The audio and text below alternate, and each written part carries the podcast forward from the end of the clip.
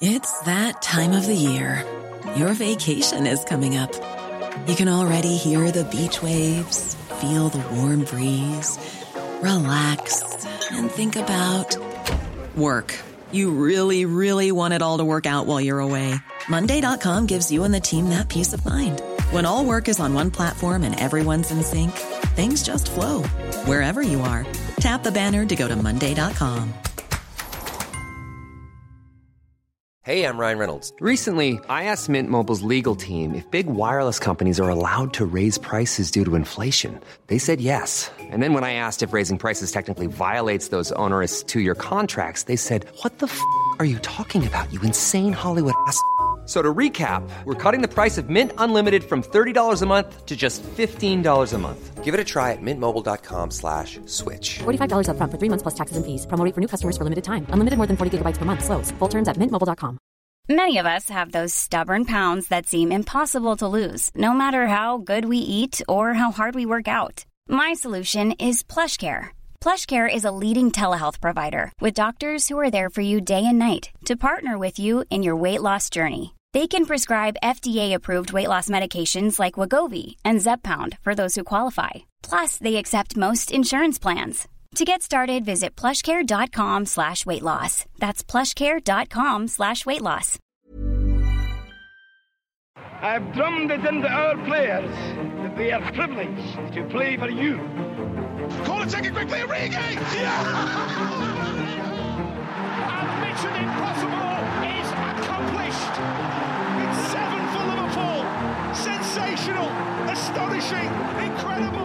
Du hører på Pausepraten, en podkast fra Liverpool supporterklubb Norge.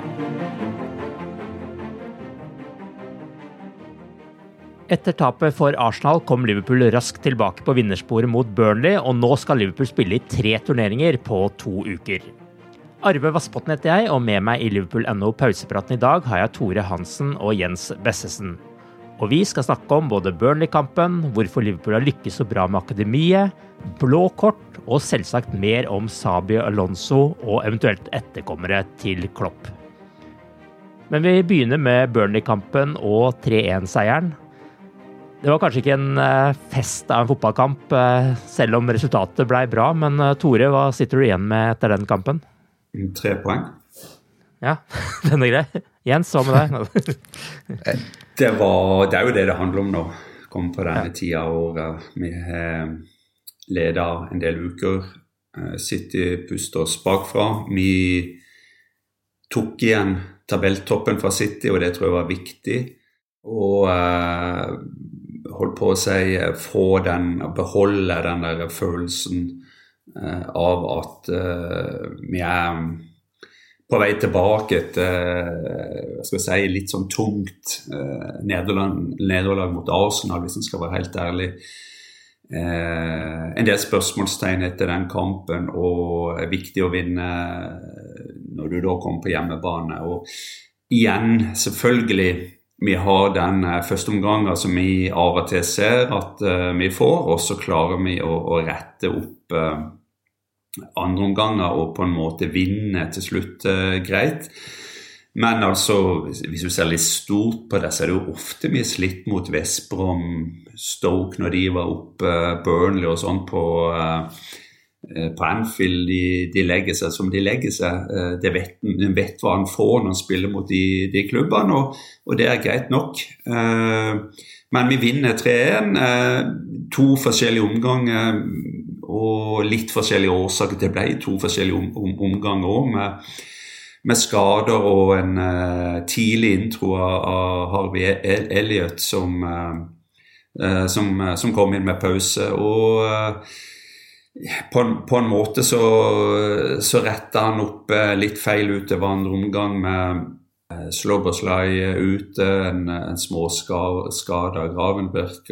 og det, på, når liksom Elliot kom i gang på høyresida, så, så ble det mer sving over det. Og uh, vi gjorde òg andre typer valg, da, eller Klopp rett og sagt jo andre typer valg, med Endo i midten og, uh, og McAllister vekk fra den rollen som han har vært veldig god i. Og det kan hun jo diskutere om uh, var rett og alt det grann der, men eh, Vi har bytta mye på mannskapet, og vi har bytta på litt forskjellige roller i løpet av denne sesongen. Så ikke så uventa egentlig, men en miks av, forskjellige ting.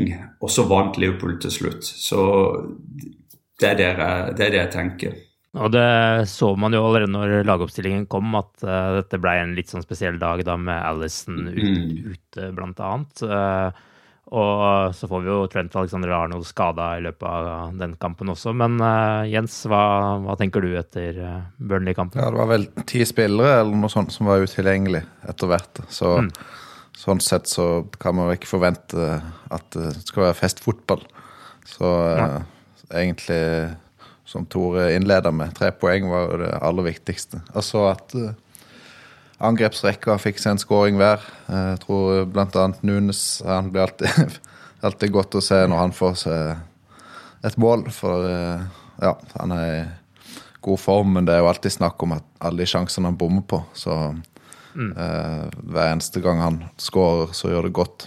Men hva tenker du nå? Hva tenker du nå med Trent? Der fikk jo beskjeden i går om at han antageligvis ikke rekker ligacupfinalen. For så vidt også en kamp Soboslai er usikker til. Men eh, hva, hva, tenker du om det nå som man går inn i denne perioden her med såpass tett kampprogram? Ja, nå har vi jo Bradley tilbake og Gomez.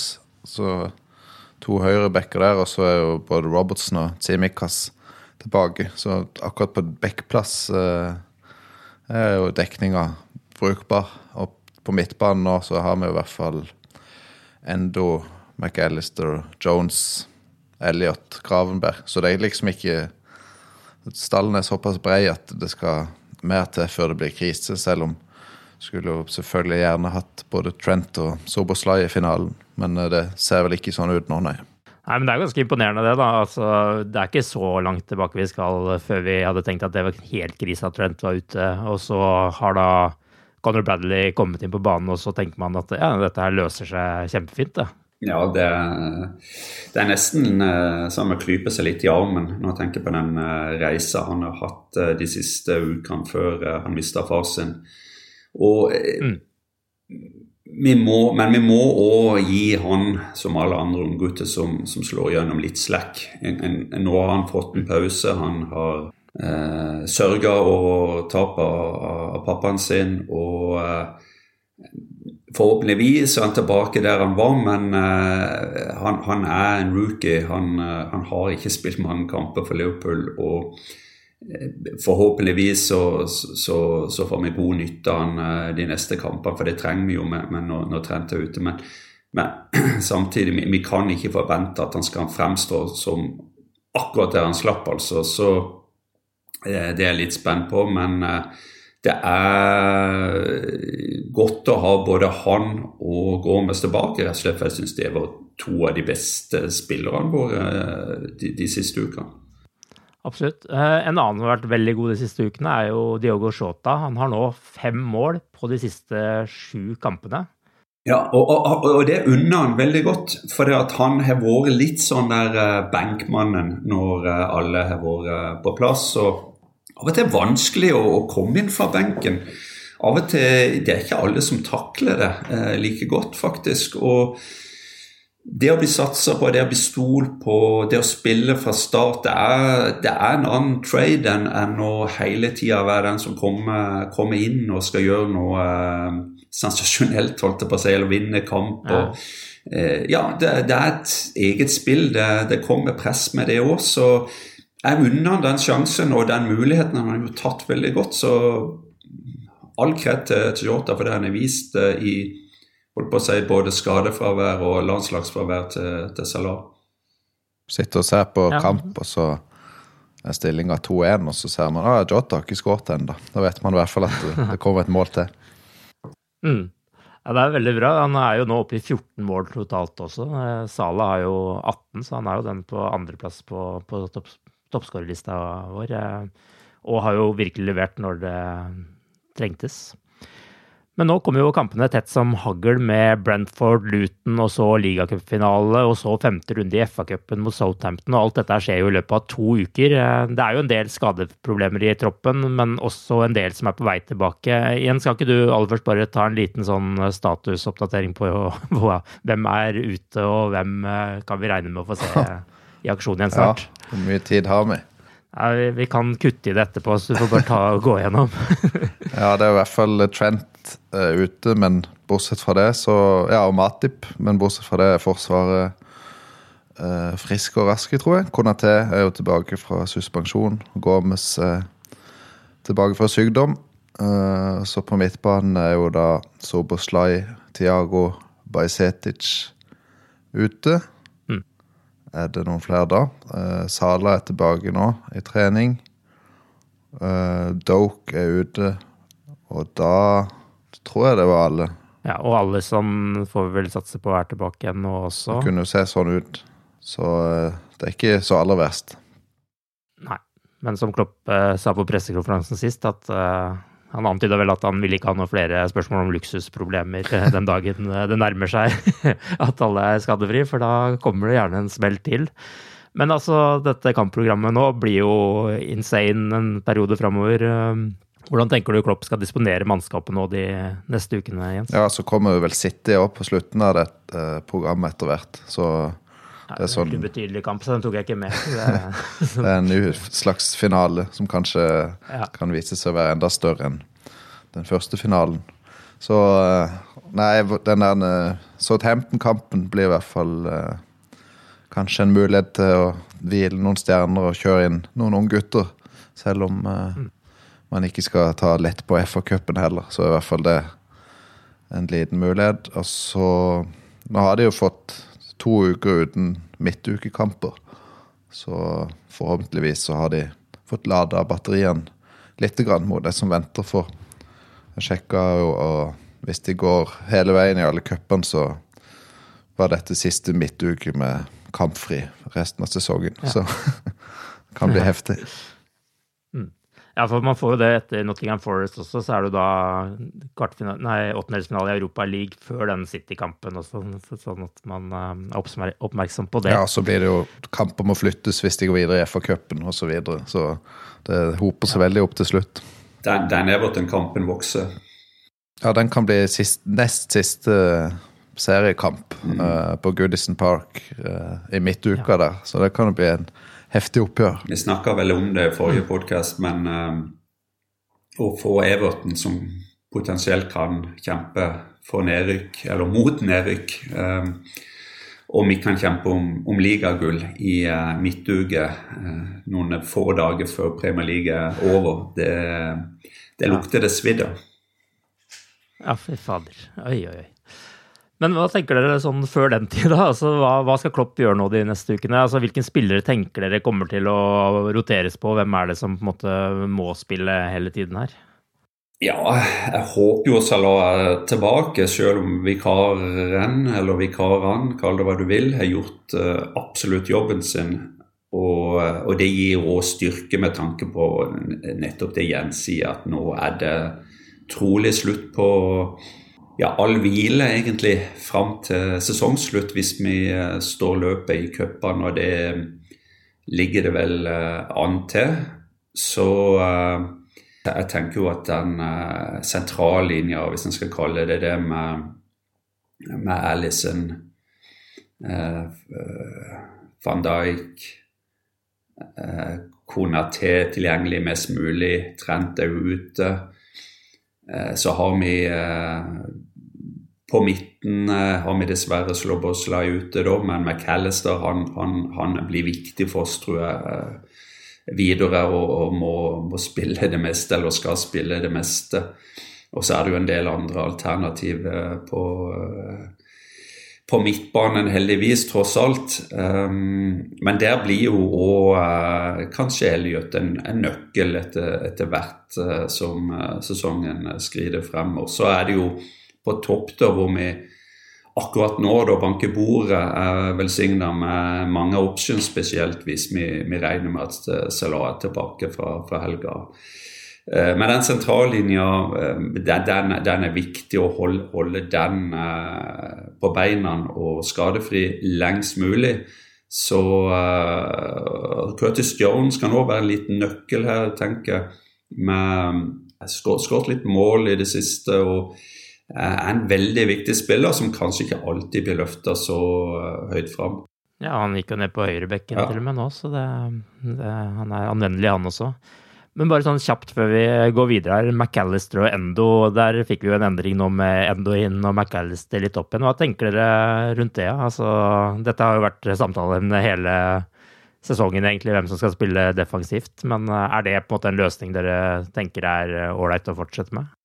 Det handler vel bare om å ha alternativer, sånn at uh, jeg syns jo McAllister ble veldig bra i den sekserrollen de, de siste mm. ukene, men Eh, det skader jo ikke at, å ha flere som kan. Så det virker som det er de to nå som skal eh, Hvis ikke det blir skader, at det er de to som skal veksle mellom å spille den posisjonen. Og så mm. har jo McAllister fordelen av å kunne spille som indreløper òg, så det er egentlig bare positivt, syns jeg, at de veksler litt når de har sjansen det er jo litt ironisk. Vi har, vi har jo nesten ropt på McAllister i indreløperrollen hele sesongen. Og så når endelig det skjer, så er det liksom mm, Hvorfor ga du han den plassen, Jørgen? Eh, så ja, ja. Eh, det er aldri noe fasitsvar. Men, eh, men, det er klart, når, når Slobberslay er, er ute, så, så er det jo mer logisk da, å, å bruke han, eller å bruke troppen og bruke Endo eh, i sekserrollen. og og eh, McAllister, der han egentlig har spilt mest. da. Nei, men det, det, her er jo sånn som det er med det laget her, at uh, hver gang en spiller er borte, så merker vi virkelig hvor han uh, savnes hen. Eller altså selv nå, så det er jo litt som du sier, at uh, McAllister er nå endelig kjempegod i sekserrollen, og så flytter man han et annet sted der vi ønska å se han tidligere i sesongen. Også, ja. Men det er, det er jo litt av moroa med dette her.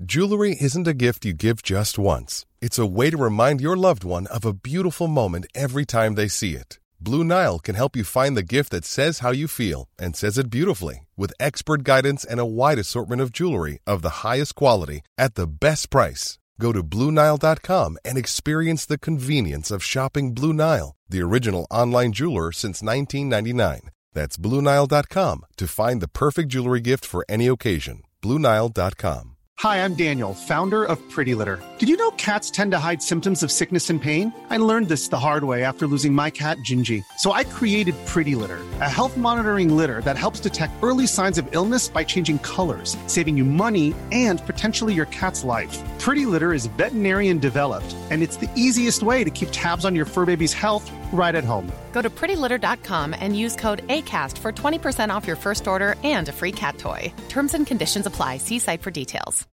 Millions of people have lost weight with personalized plans from Noom, like Evan, who can't stand salads and still lost 50 pounds. Salads, generally, for most people, are the easy button, right? For me, that wasn't an option. I never really was a salad guy. That's just not who I am. But Noom worked for me. Get your personalized plan today at Noom.com. Real Noom user compensated to provide their story. In four weeks, the typical Noom user can expect to lose one to two pounds per week. Individual results may vary.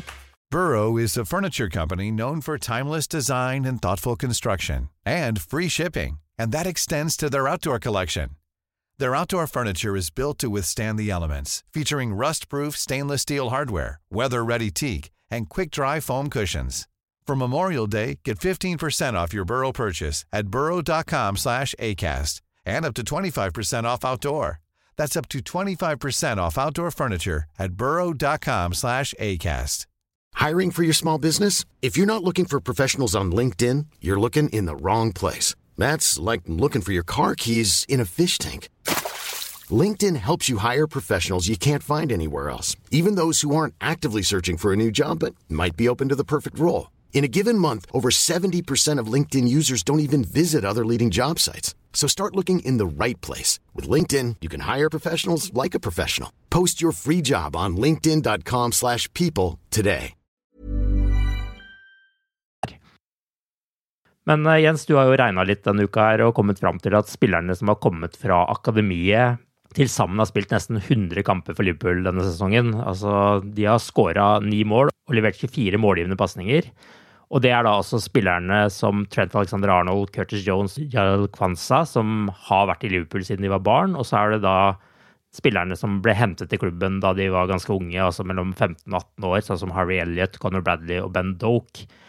Men uh, hva er forklaringen deres på at Liverpool har lykkes så godt med den rekrutteringen nå? Er det tilfeldig at det skjer akkurat nå, eller hva tenker dere er årsaken? Det virker jo som klubben er veldig sånn uh, god på å dyrke fram unge spillere. God på rekruttering av unge og finne de riktige som skal hentes òg til eh, akademiet. Eh, så, og så har de et trenerapparat som ikke er redd for å satse på de heller. Eh, uansett om det er skadekrise eller ikke, så har jo Klopp alltid vært glad i å gi de unge sjansen. Så mm. det er liksom en eh, god miks av alt det. Og så er det at de fikk komme sammen, flytta sammen på, eh, i Kirby, der som Liverpool sitt nye treningsanlegg er. Der har akademiet vært siden 90-tallet. Så nå er det bare en liten spasertur fra akademiet og opp til førstelaget. Så jeg tror definitivt det har gitt uh, nye muligheter til, til unggutter. Trenger ikke å ta kjøreturen til Melwood. Uh, det er rett og slett bare å ja, trasker bort, så er du på førstelagstrening. Så det er, det er mange forskjellige årsaker. Men uh, igjen så jeg føler jeg liksom Klopp er en av de viktigste grunnene her òg. For det er han som faktisk viser fram disse spillerne. Og gir de følelsene at de er viktige for laget. Så det blir spennende å se om det fortsetter etter sommeren òg.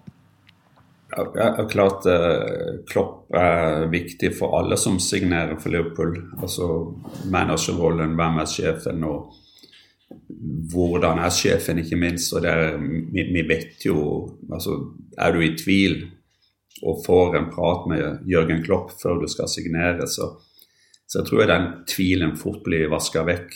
Så, så, der ser vi nok en, et skille når Jørgen forsvinner. altså.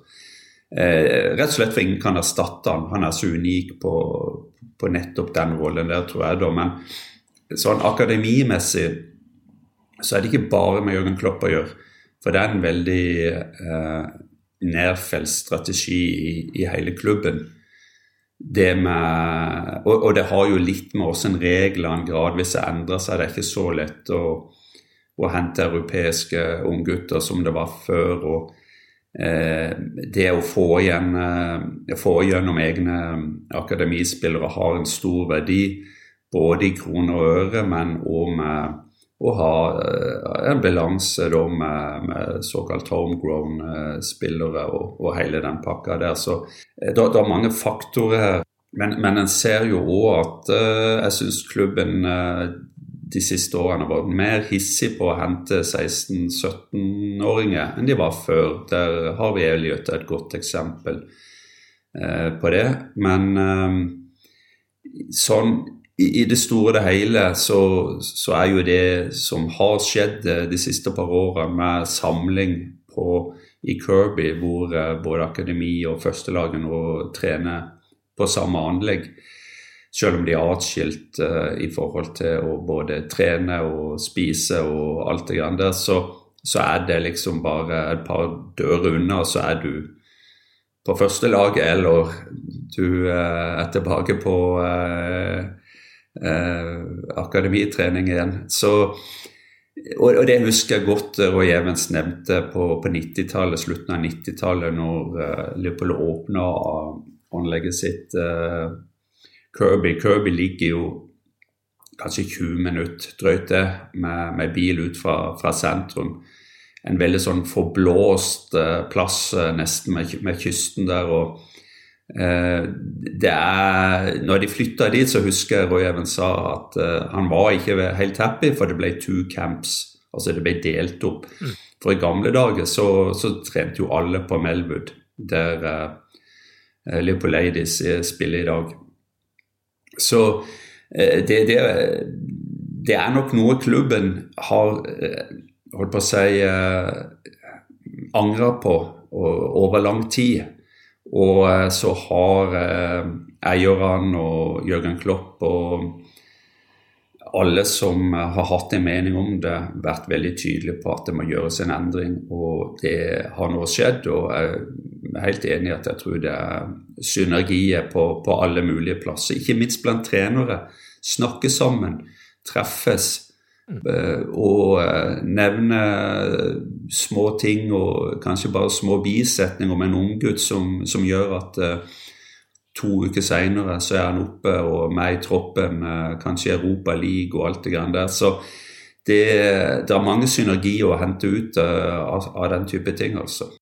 Og så er jo selvsagt Dette er en jobb som også starta før den uh, overflyttingen. altså Når uh, Pep Linders uh, var en slags sånn bro mellom Kirby og Melwood også, og tok med seg gruppe med, best, med, de beste spillerne fra 15 år og oppover til Melwood et par ganger i uka for at måtte, denne talentgruppa skulle bli vant med omgivelsene med førstelaget, bli kjent med spillerne, på en måte over tid ikke bli så starstruck eh, når de da endelig skulle begynne å levere, at det, en måte, det skulle være naturlig for de å omgås Sala og, og, disse andre. Det var jo på en måte en sånn rolle som Vitor Matos tok over etter hvert når Linders da ble knytta mer til uh, førstelaget. Jeg husker faktisk jeg satt på Kirby og så en um, U21-kamp uh, like etter at Matos uh, tok over. og da sitter jeg liksom på tribunen der, og så ser jeg liksom rett ved siden av meg, der sitter Vitor Matos. Så tenker jeg liksom, hvorfor i all verden sitter han på tribunen her?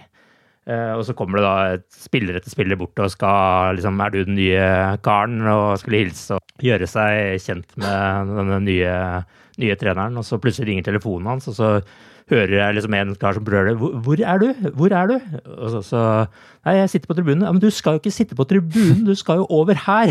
Da, da tror jeg det var John Aktenberg som sto på andre sida og, og, ropte og veiva til den, og så flytta han seg over, da. Men var, han var helt åpenbart ganske rookie den gangen, han også, men har jo etter det fått seg et godt navn i Liverpool, også Victor Matos, som jo dessverre også forsvinner nå til sommeren. Har dere uh, hørt uh, storyen om, eller om vi fortalte den, om det James Milner uh, Door?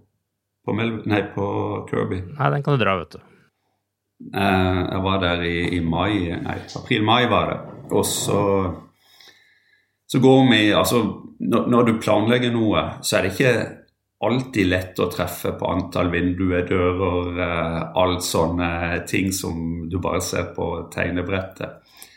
Så når spillerne trener, så opprinnelig, når anlegget sto klart, så måtte de gå en lang, langs en lang hva skal vi si, eh, innendørs vegg da, når de kom inn fra treningsfeltet. Altså type ja, nesten 100 meter, 50-100 meter, tipper jeg. Veldig lang eh, vegg som måtte gå ned og rundt, og så for å komme inn i garderoben, da.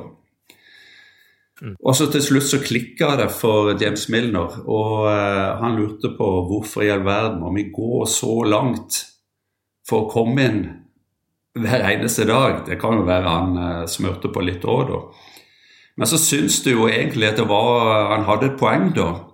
Så lang historie kort, så satte de inn ei dør eh, rett etter de kom inn eh, i anlegget fra, fra treningsfeltet. Og eh, som på en måte åpna rett vei, eh, kort vei inn da, til garderoben. Og eh, der står det et sånt skilt, en sånn liten plekk, og det står det The James Milner MBE Door.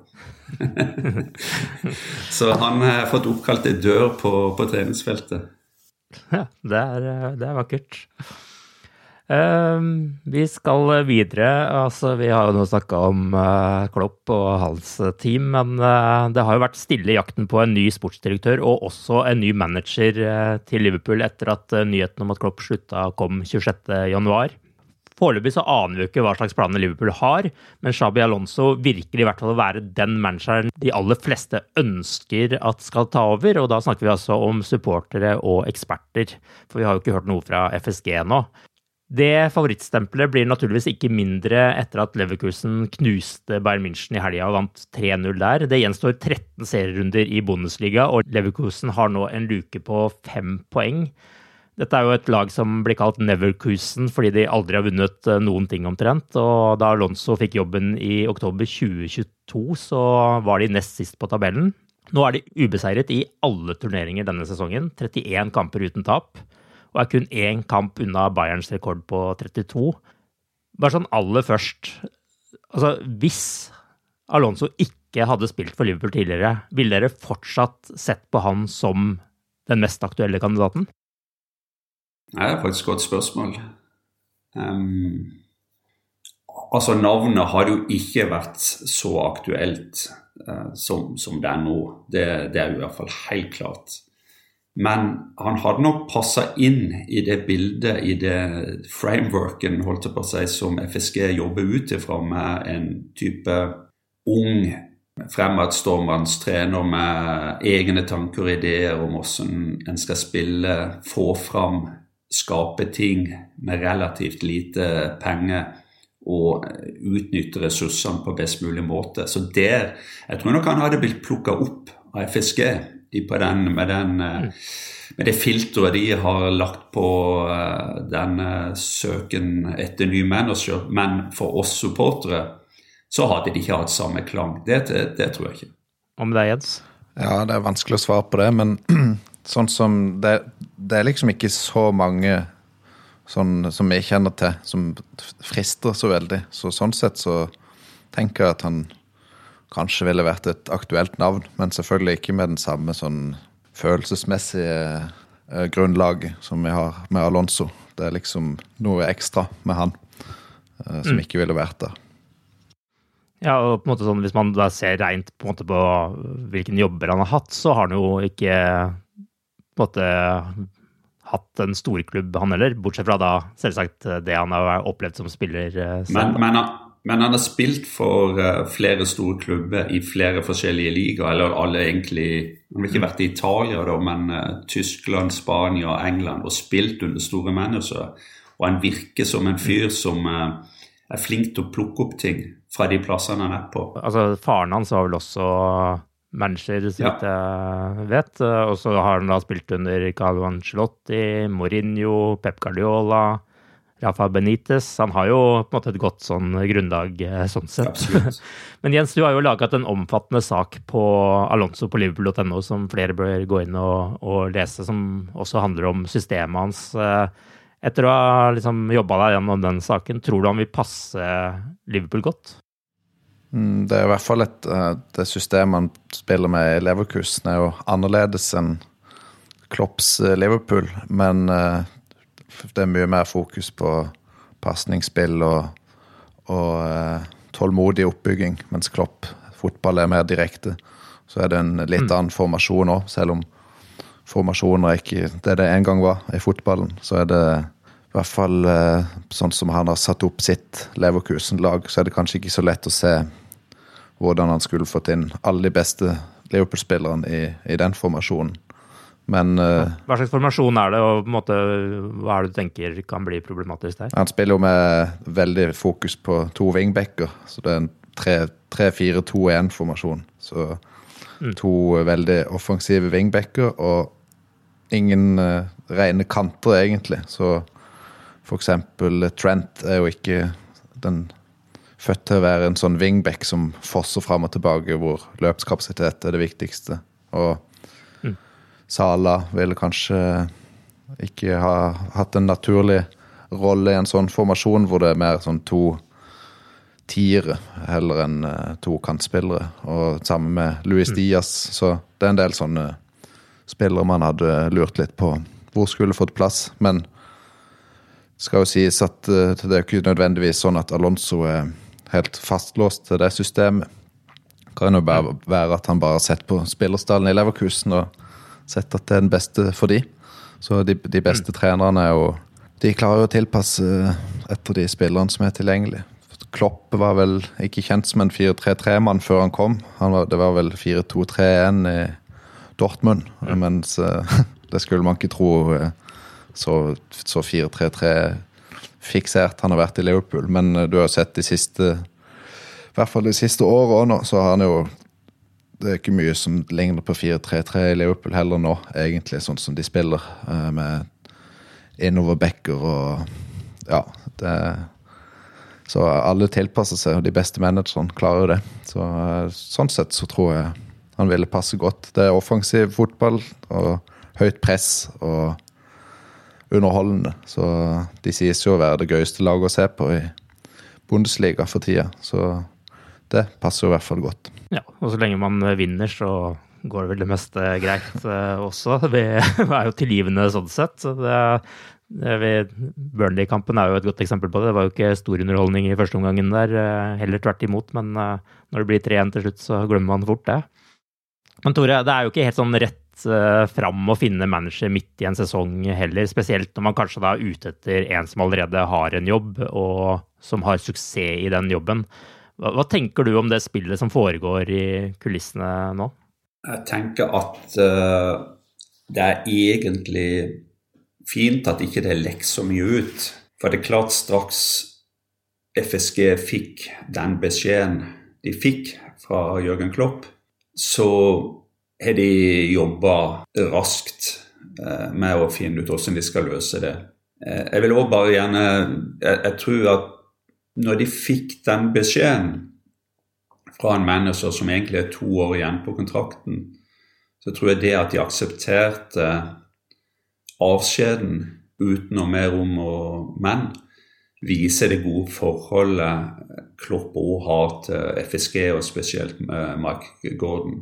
Det, det, tror jeg kanskje er et lite poeng som uh, ikke er kommet fram. Men det, det, viser det med all tydelighet. De aksepterte det, de lager ikke noe uh, styr eller støy ut av det. Og, og det er den beste måten å, å, å, gjøre det på. Og jeg tror bare med en gang så har de slått om til si, fase én med å finne ut hvordan de skal jobbe for å få dette på plass.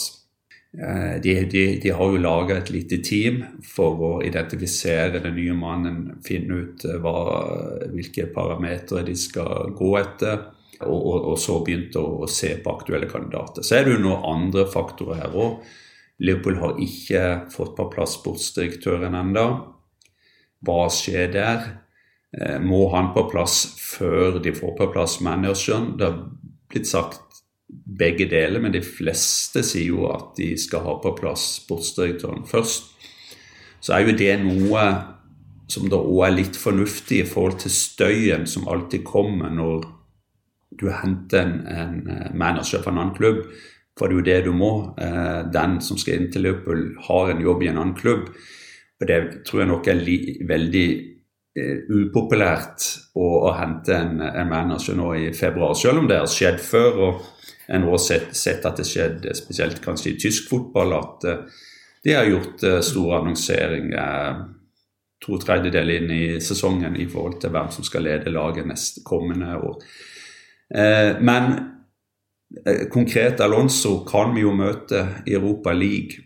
Og det vil nok ikke, reflektere bra, spesielt for de ansvarlige i Bayer Leverkusen, om han er mer eller mindre klar for Liverpool før de potensielt møter Liverpool i Europa League, spesielt siden det blir en finale. da, Og det er allerede klart at Alonso skal spille eller trene Liverpool neste sesong. Det blir en veldig merkelig setting. Litt vanskelig for de som um, Eh, spesielt eh, kommer fra Leverkusen. Så det er, det er noen sånne ting da som jeg lurer litt på hvordan de skal løse. Og jeg tror det er viktig ha, at, at, klubben har arbeidsro. At de uh, får uh, gjort de, de, tingene de skal gjøre. Du ser uh, det skjer en del ting med en annen klubb på samme størrelse eh, som spiller på Trafford. Og de har nå gått til Newcastle eller kontakta sportsdirektøren Newcastle for å, for å, hente han, eh, Dan Ashford. Og det er lettere å hente en sportsdirektør midt i en sesong eller å spille ut, eh, legge ut et agn for sportsdirektør og, mm. og, på en måte jobbe med det, eh, enn å gå til en å hente en manager fra en klubb du konkurrerer med enten i liga eller ute i Europa.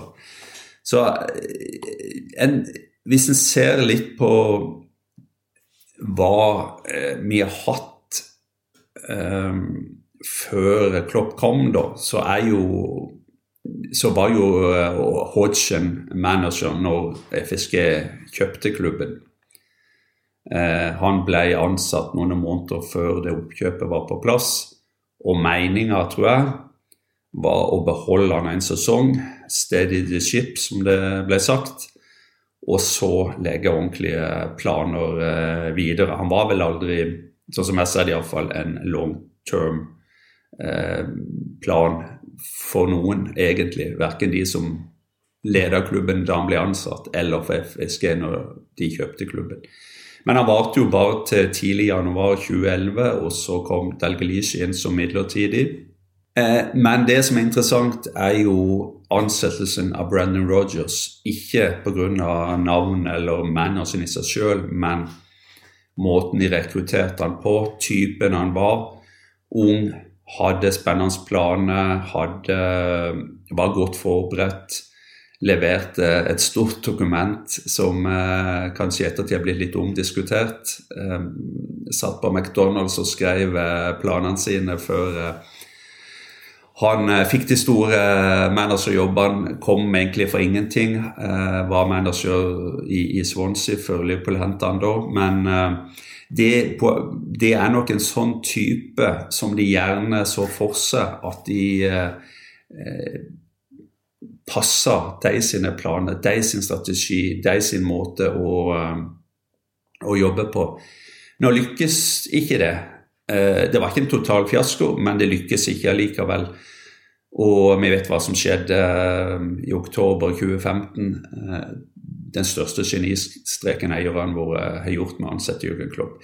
Men kort oppsummert, jeg tror det er den type mindset de har. Det som ikke kommer til å skje, de kommer ikke til å gå etter en erfaren journeyman som uh, har hatt masse jobber og vandrer rundt i Europa fra klubb til klubb til klubb.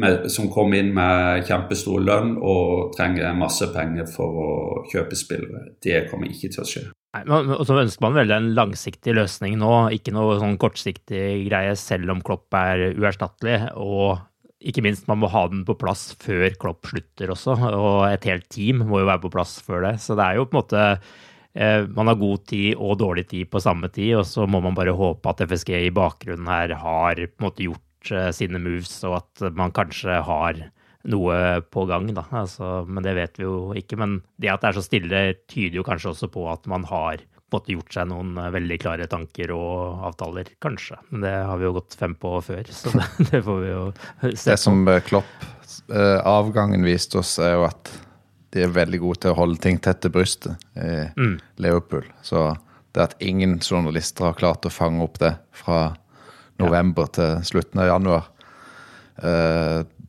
Da tror jeg på en måte de skal klare å holde denne prosessen ganske intern òg, og privat. Men eh, så egentlig jo mindre vi vet, jo mer tro har jeg på at de kommer fram til rett løsning. For hvis det begynner å komme lekkasjer om at de ringer rundt til hvem som helst, så er det litt mer tegn til panikk. Så egentlig litt sånn må bare smøre seg med tålmodighet og så vente til de kommer med nyheten sjøl.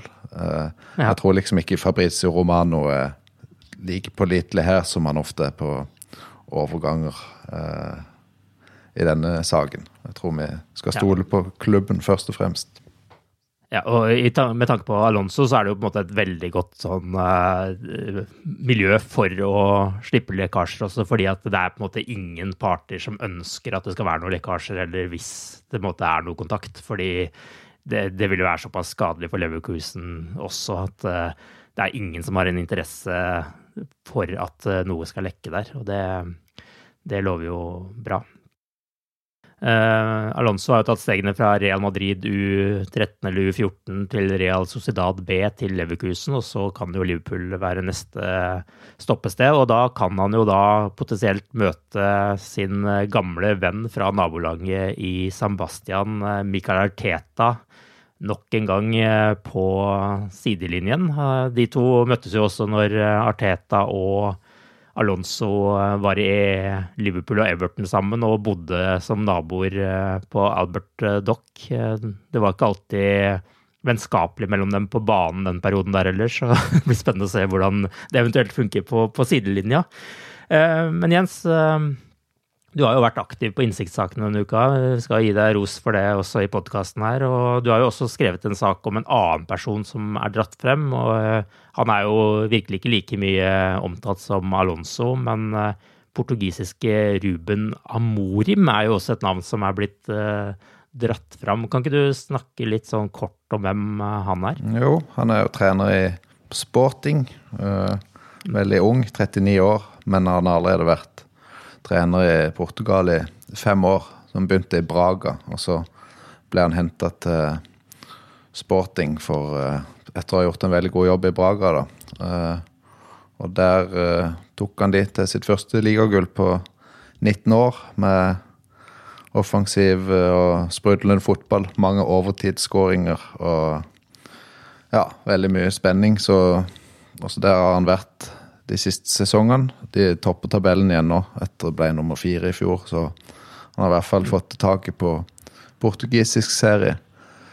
Uh, så han virker jo en, som en sånn veldig sånn uh, fyr som får med seg fansen og spillerne og god motivator. Og så i tillegg uh, kanskje litt taktisk ikke helt ulik Alonso. Igjen er det en 3-4-3 som det er snakk om. Og det er kanskje litt Det, det er en tendens man ser i fotball òg, at backer er kanskje ikke like populært lenger. Se på Pep Guardiola spiller jo ofte med fire midtstopper på banen samtidig. Uh, hvor det veldig mye skal skje sentralt i banen. Så kanskje det er bare bra å få inn en, en trener som tenker på den måten. Uh, og han er jo faktisk den som er nummer to nå, gjerne på de fleste sånn neste manager-odds bak uh, Alonso. Så spør du meg, så er han veldig spennende. Men litt mindre å, vise til enn det Alonso har. Selv om han har eh, et seriegull på CV-en, så har han gjort det ganske svakt i Europa med sporting. Så det er sånn, hvis jeg skulle valgt mellom de to, så ville jeg gått for Alonso. Men jeg tror han er en spennende kandidat, i hvert fall. Mm. Så skal jeg også nevne at det var David Lynch, som er spaltist hos oss, som nevnte han eh, aller først, eh, så vidt jeg vet. Og det kom jo da også veldig tidlig på trykk hos oss, så bare gi oss litt sånn Bare nevne det. Um, ja, men uh, det er Alonso begge dere er uh, aller mest klar for at skal ta over, eller? Det, det, er jo litt spesielt at uh, bortsett fra Alonso, da, så er det ingen sånn klare kandidater. Og det, det, det, er jo litt merkelig, da, på, på, på et vis, da, vi tenker på en sånn Hvis du bare glemmer eierskap og prinsippene de har og måten de driver klubben på, så er det en av de mest spennende og største jobbene i fotball. Og det er, det er vanskelig å finne kandidater som passer på et vis. da. Eh, så det er, det er litt sånn merkelig oppi det hele, da. Men eh, det er klart, spesielt for oss supportere, det betyr ingenting for FSG. Iallfall veldig lite at han har spilt i Liverpool før. Eh, det er vel noe av det første de sa, at eh, Eller folk som står såkalt nærme prosessen, har antyda at de her tenker de ikke med hjertet, her skal de ha en best mulig mann. ikke sant? Men for oss fotballsupportere, romantikere, så å få en tidligere spiller inn, det, er, det, det betyr alltid litt ekstra. Du, du, har et forhold til han, og eh, det hjelper alltid i forhold til fansen og alt det der, men det var noe Liverpool eh, har hatt blanda suksess med før. da, både Dalgelis første gang var en stor suksess. Sunes, Evans not so much, for å si det mildt. Mhm. Så um, det, er, det, er, alltid litt fallhøyde da, når du kommer til Anfield til en sånn jobb med, med, den, med en sånn uh, tidligere spillerstatus, som vi får se. Vi er jo fotballromantikere, som du sa, Tore, så vi må også litt innom blå kort. For eh, det er jo noe det har vært eh, mye snakk om de siste ukene. Eh, nå er jo ikke det noe som skal brukes i Premier League nå med det første, men det skal da altså åpnes for å teste ut ti minutters utvisninger og blå kort i lavere divisjoner. Eh, nå er ikke det helt vedtatt ennå, det heller, fordi det fikk litt backlash når det var en nyhet som lekka. Men eh, det har også blitt antyda at eh, det kan være aktuelt å bruke det i FA-cupen neste sesong, selv om det heller ikke er vedtatt. Men blå kort, hva er tankene deres om disse midlertidige utvisningene i fotball, som da først og fremst skal gå på klager på dommerne og den type ting, men også professional fouls, da når man feller en spiller på vei gjennom som da ikke er nok til å gi rødt kort, f.eks., men uh, hvor uh, fargen er mer oransje, kan man vel si. Jeg kjenner en som skrev en god kommentar om det på Løpelendo, Arve. Jeg vet ikke om uh, du vil begynne? jeg kan, kan, gjøre det, men jeg kan komme tilbake til ja. meg. Hva tenker du? Jeg er imot det. Det, det var vel det jeg brukte sånn tusen ord på å si. Det, var, det hadde holdt, det. ja, um, det, det, har vært mye diskusjon med, med, fotball de siste par årene etter innføring av spesielt VAR, men det har også vært andre ting. Hva er årsaken til at fotball har lykkes til å bli den mest populære sporten i, i hele verden? Det er fordi at det er et enkelt spill.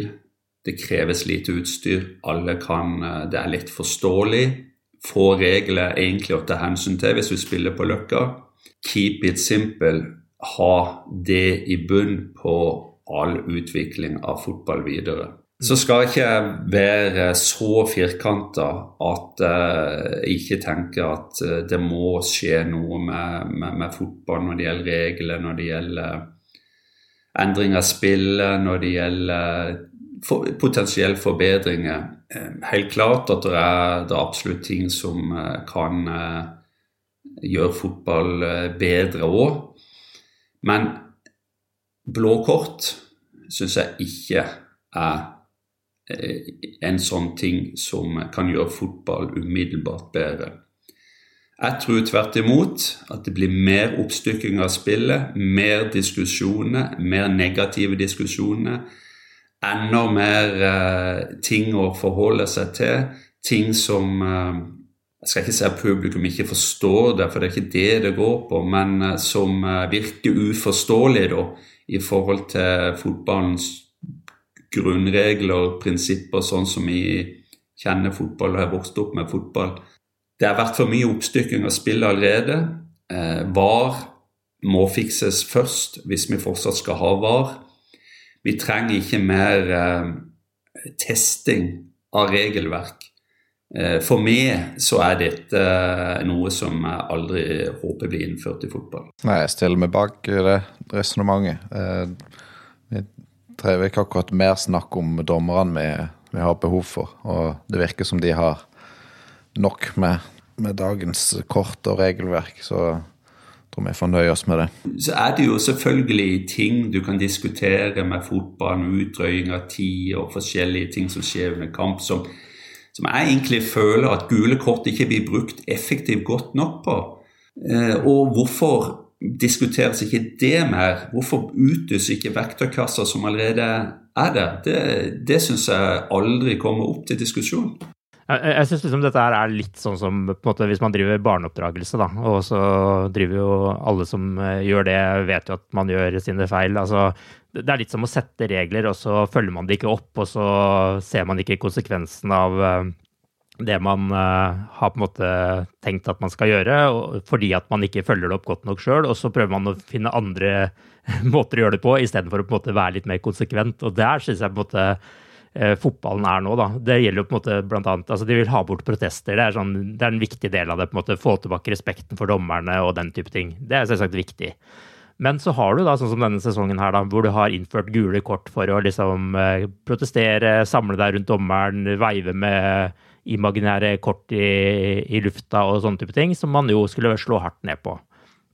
Begynner sesongen med det, og så på en måte bare smuldrer det opp, og så kommer det tilbake innimellom, men uten noe konsekvent eh, linje fra dommerne eller eh, fra de som styrer dommerne.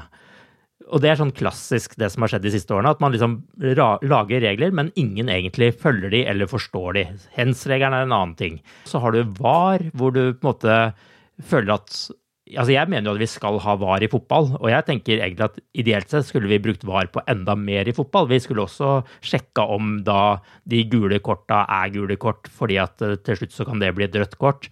Eh, det burde sjekka om eh, corneren var feil, omtrent, fordi at den kan føre til scoring. Altså, det er mange sånne type ting man kunne ha gjort hvis det bare hadde funka bedre. Men så lenge det ikke gjør det, så lenge man fortsatt bruker såpass lang tid på å allikevel ta feil avgjørelser og alle disse tingene, så kan man ikke begynne å dra inn nye ting i fotballen. Så jeg man må liksom prøve å løse de problemene man allerede har, før man går til det skrittet her.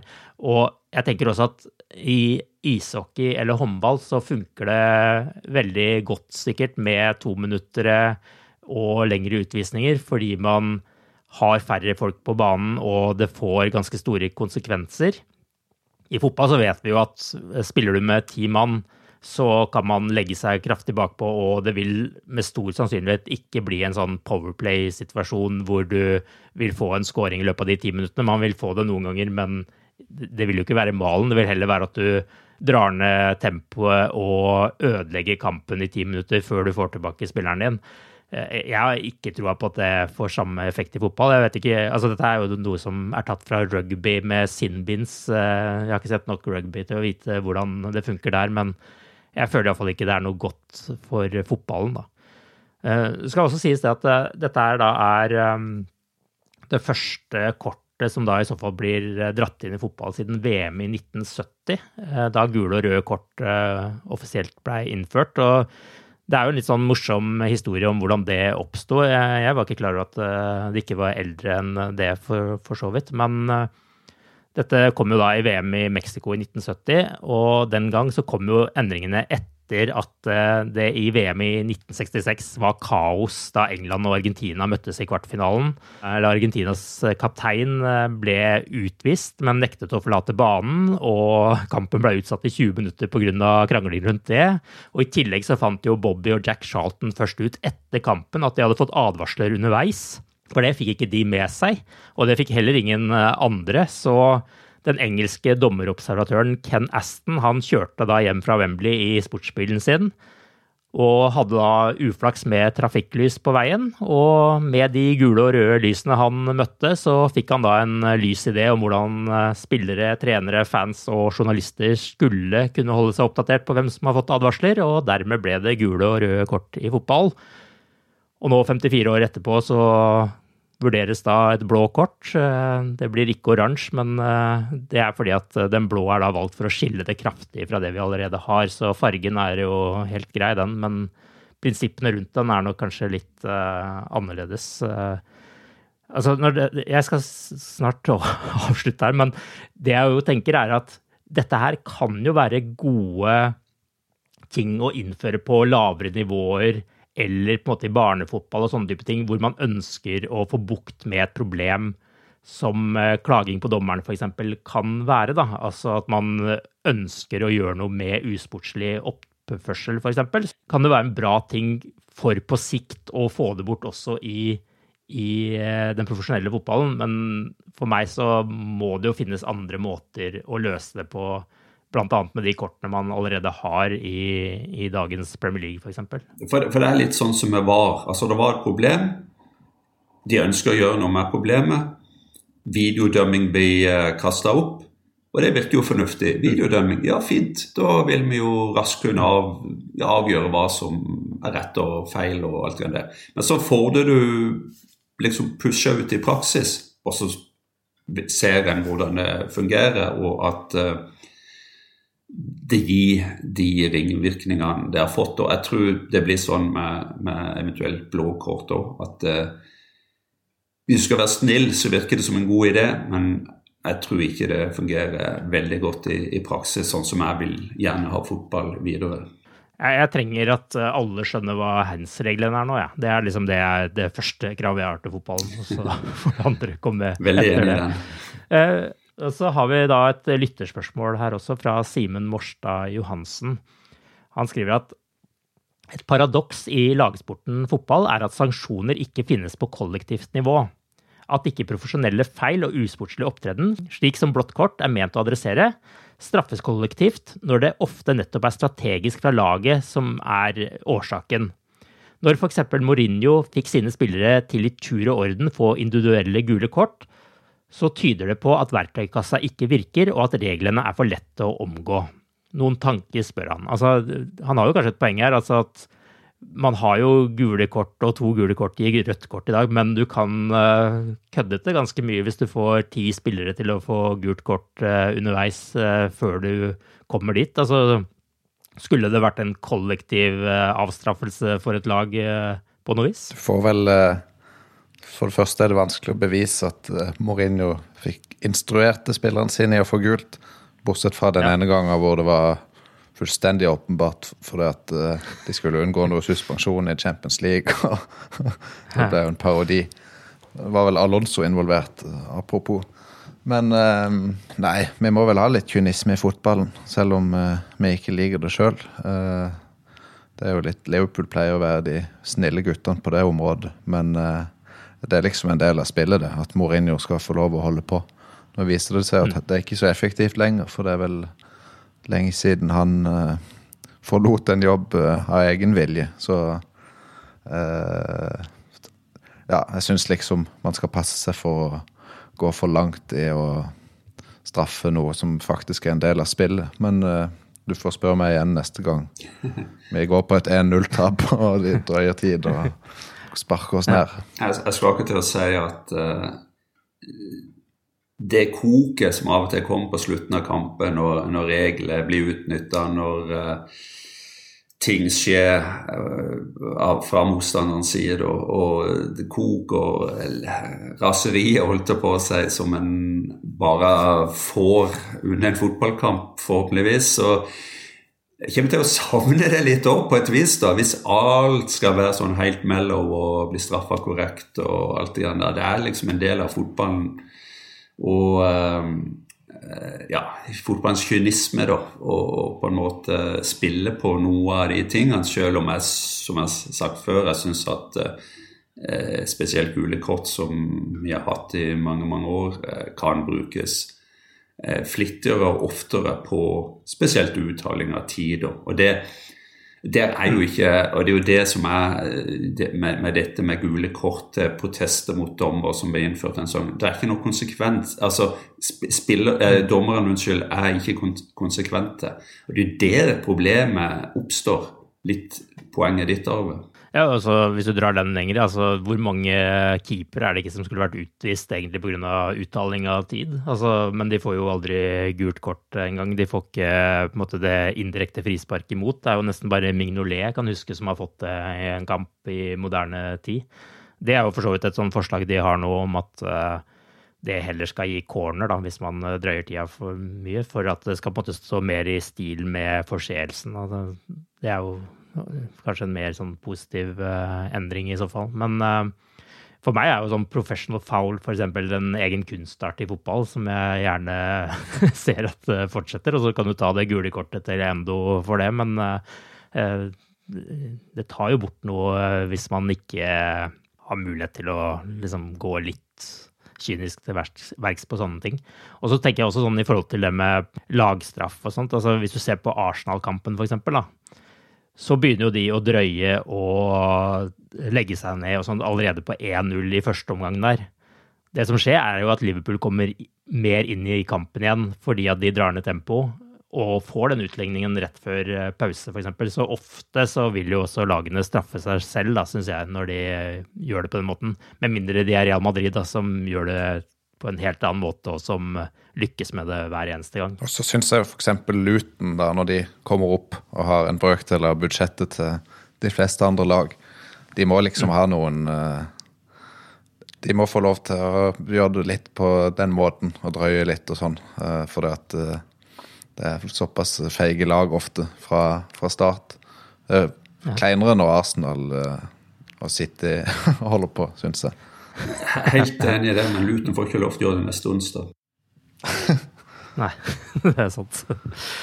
Med det så avslutter vi. Eh, hvis du har lyttespørsmål til oss, så kontakt oss på pausepraten at liverpool.no. Vi er tilbake i neste uke, etter da Luton-kampen hvor de ikke får lov å drøye. Det er vi helt enige om. Og da skal vi bygge opp mot ligacupfinalen. Da er vi forbanna. Ja. ja, det er riktig. Så det kan godt være at det er det vi snakker om neste uke. Du, du vil ikke ha to forbanna sørlendinger i studio neste gang, Arve? Det kan jeg love. Nei, det, det, kan bli heftig. Det er helt klart. Men i hvert fall, uh, uansett hvordan det går i lutekampen, så skal vi også da bygge opp mot uh, ligacupfinalen i uh, denne episoden. Til da, ha det bra så lenge. Ha det bra. Up to Reds.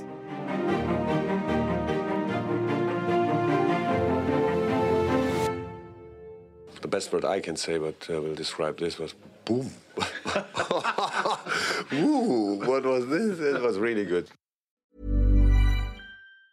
Hi, I'm Daniel, founder of Pretty Litter. Did you know cats tend to hide symptoms of sickness and pain? I learned this the hard way after losing my cat, Gingy. So I created Pretty Litter, a health monitoring litter that helps detect early signs of illness by changing colors, saving you money and potentially your cat's life. Pretty Litter is veterinarian developed, and it's the easiest way to keep tabs on your fur baby's health right at home. Go to prettylitter.com and use code ACAST for 20% off your first order and a free cat toy. Terms and conditions apply. See site for details. Hey, it's Paige DeSorbo from Giggly Squad. High quality fashion without the price tag? Say hello to Quince. I'm snagging high end essentials like cozy cashmere sweaters, sleek leather jackets, fine jewelry, and so much more. With Quince being 50 to 80% less than similar brands. And they partner with factories that prioritize safe, ethical, and responsible manufacturing. I love that. Luxury quality within reach. Go to quince.com slash style to get free shipping and 365 day returns on your next order. Quince.com slash style.